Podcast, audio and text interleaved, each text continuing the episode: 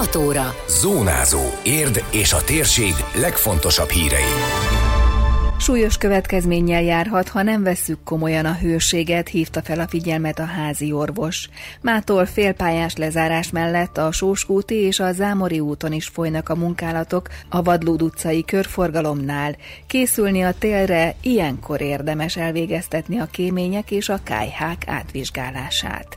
Köszöntöm Önöket, a Zónázó 2023. július 11-i adását hallják. Ez a Zónázó, az Érdefem 113 hírmagazinja. A térség legfontosabb hírei Szabó Beátától. Kimerítheti szervezetünket a forróság. A szakemberek nem győzik hangsúlyozni, hogy ilyenkor még inkább ügyelni kell a folyadékbevitelre, és fontos, hogy délelőtt 11-től délután 3-4 óráig tartózkodjunk hűvös helyen, és csak annyit töltsünk a napon, amennyit feltétlenül szükséges.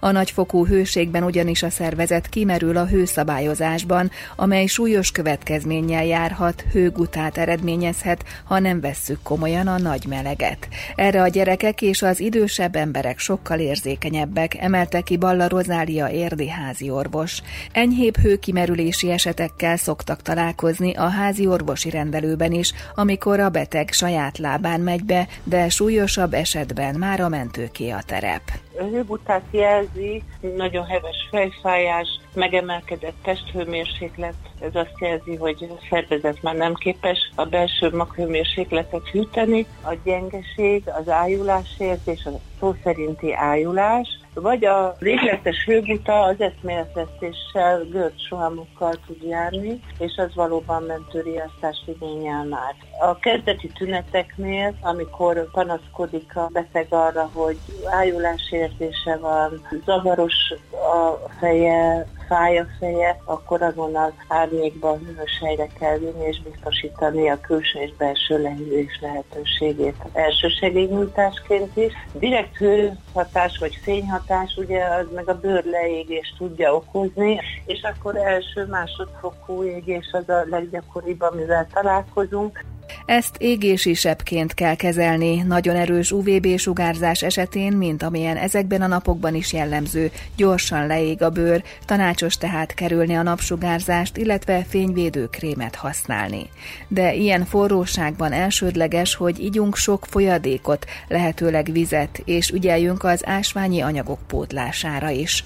Normál esetben két liter ajánlott, kánikulában viszont akár három liter is lehet ez a mennyiség, vagy ennél is több, ha valaki sportol vagy egyéb fizikai tevékenységet végez, hangsúlyozta a házi orvos. És amire nem szoktunk még figyelni, az a, a bevitt folyadék minősége. Tehát én szoktam javasolni a betegeimnek, hogy figyeljenek arra, hogy izotóniás folyadékot is fogyasszanak a csak fűzés a megszokott ásványvíz mellett, mert hogy annak az összetétele valóban hasonlít a szervezet folyadék összetételére, és akkor itt tudjuk megelőzni azt, hogy éjszaka a lábikránk görcsöljön, az izmóink gyengék legyenek, Balla Rozália egy praktikus módszert is ajánlott, ami segíthet abban, hogy elegendő folyadékot igyunk. Amikor megérkezik a szomjúság érzetünk, akkor már egészen biztos, hogy folyadék hiányunk van.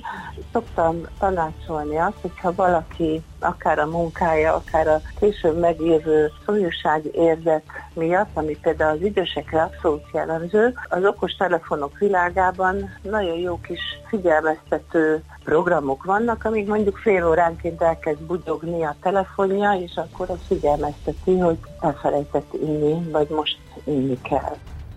Újabb szakaszába lép a Vadlúd utcai körforgalom építése. Mától már nem csak egy ágon dolgoznak, hanem a főútvonalon folytatódnak a munkák. Vagyis megkezdődik a pályaszerkezet építése a Rákóczi úti ágon, valamint a Sóskúti és Zámori út tárnok felé eső oldalán. A félútpályát lezárják, és forgalomirányító jelzőlámpa szabályozza a forgalmat a Sóskúti és a Zámori út, továbbá a Vadlúd utca felől, hívta fel a figyelmet az érdi és a tárnok tárnoki önkormányzat a kivitelező tájékoztatása alapján. A tárnokra vezető Rákóczi úton kívül lezárják a Vadkacsa utcát, és a buszmegállókat is áthelyezték. Előreláthatólag a hónap végéig lesznek érvényben ezek a forgalomkorlátozások. Adományoz egészséget, aki vért ad, életet ad. Erre hívja fel a figyelmet a Vörös Kereszt területi szervezete, amely mára véradást szervezett tárnokra. A Helyri Kantalházban várják a segíteni szándékozókat 14 és 18 óra között.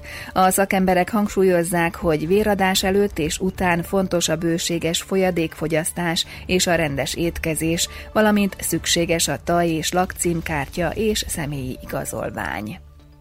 Tombol a nyár, de már érdemes a télre készülni. Ilyenkor tanácsos elvégeztetni a kémények és a fűtőberendezések átvizsgálását, hogy a fűtési szezonban már ne okozzon gondot egy-egy feltáratlan hiba.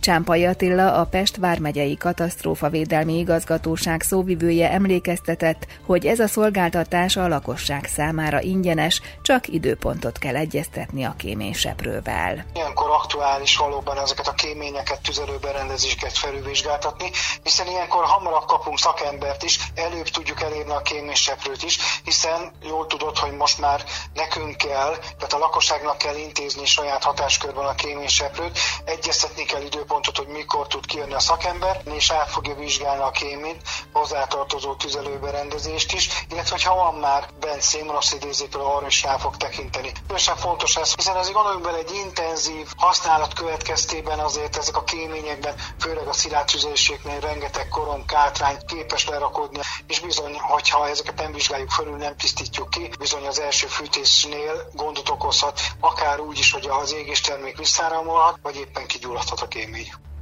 A kéményseprést a 1818-as ingyenesen hívható számon lehet kérni, illetve a regisztráció nélkül működő online felületen a kéményseprés.katasztrófavédelem.hu oldalon, vagy bármelyik kirendeltségen. Időjárás.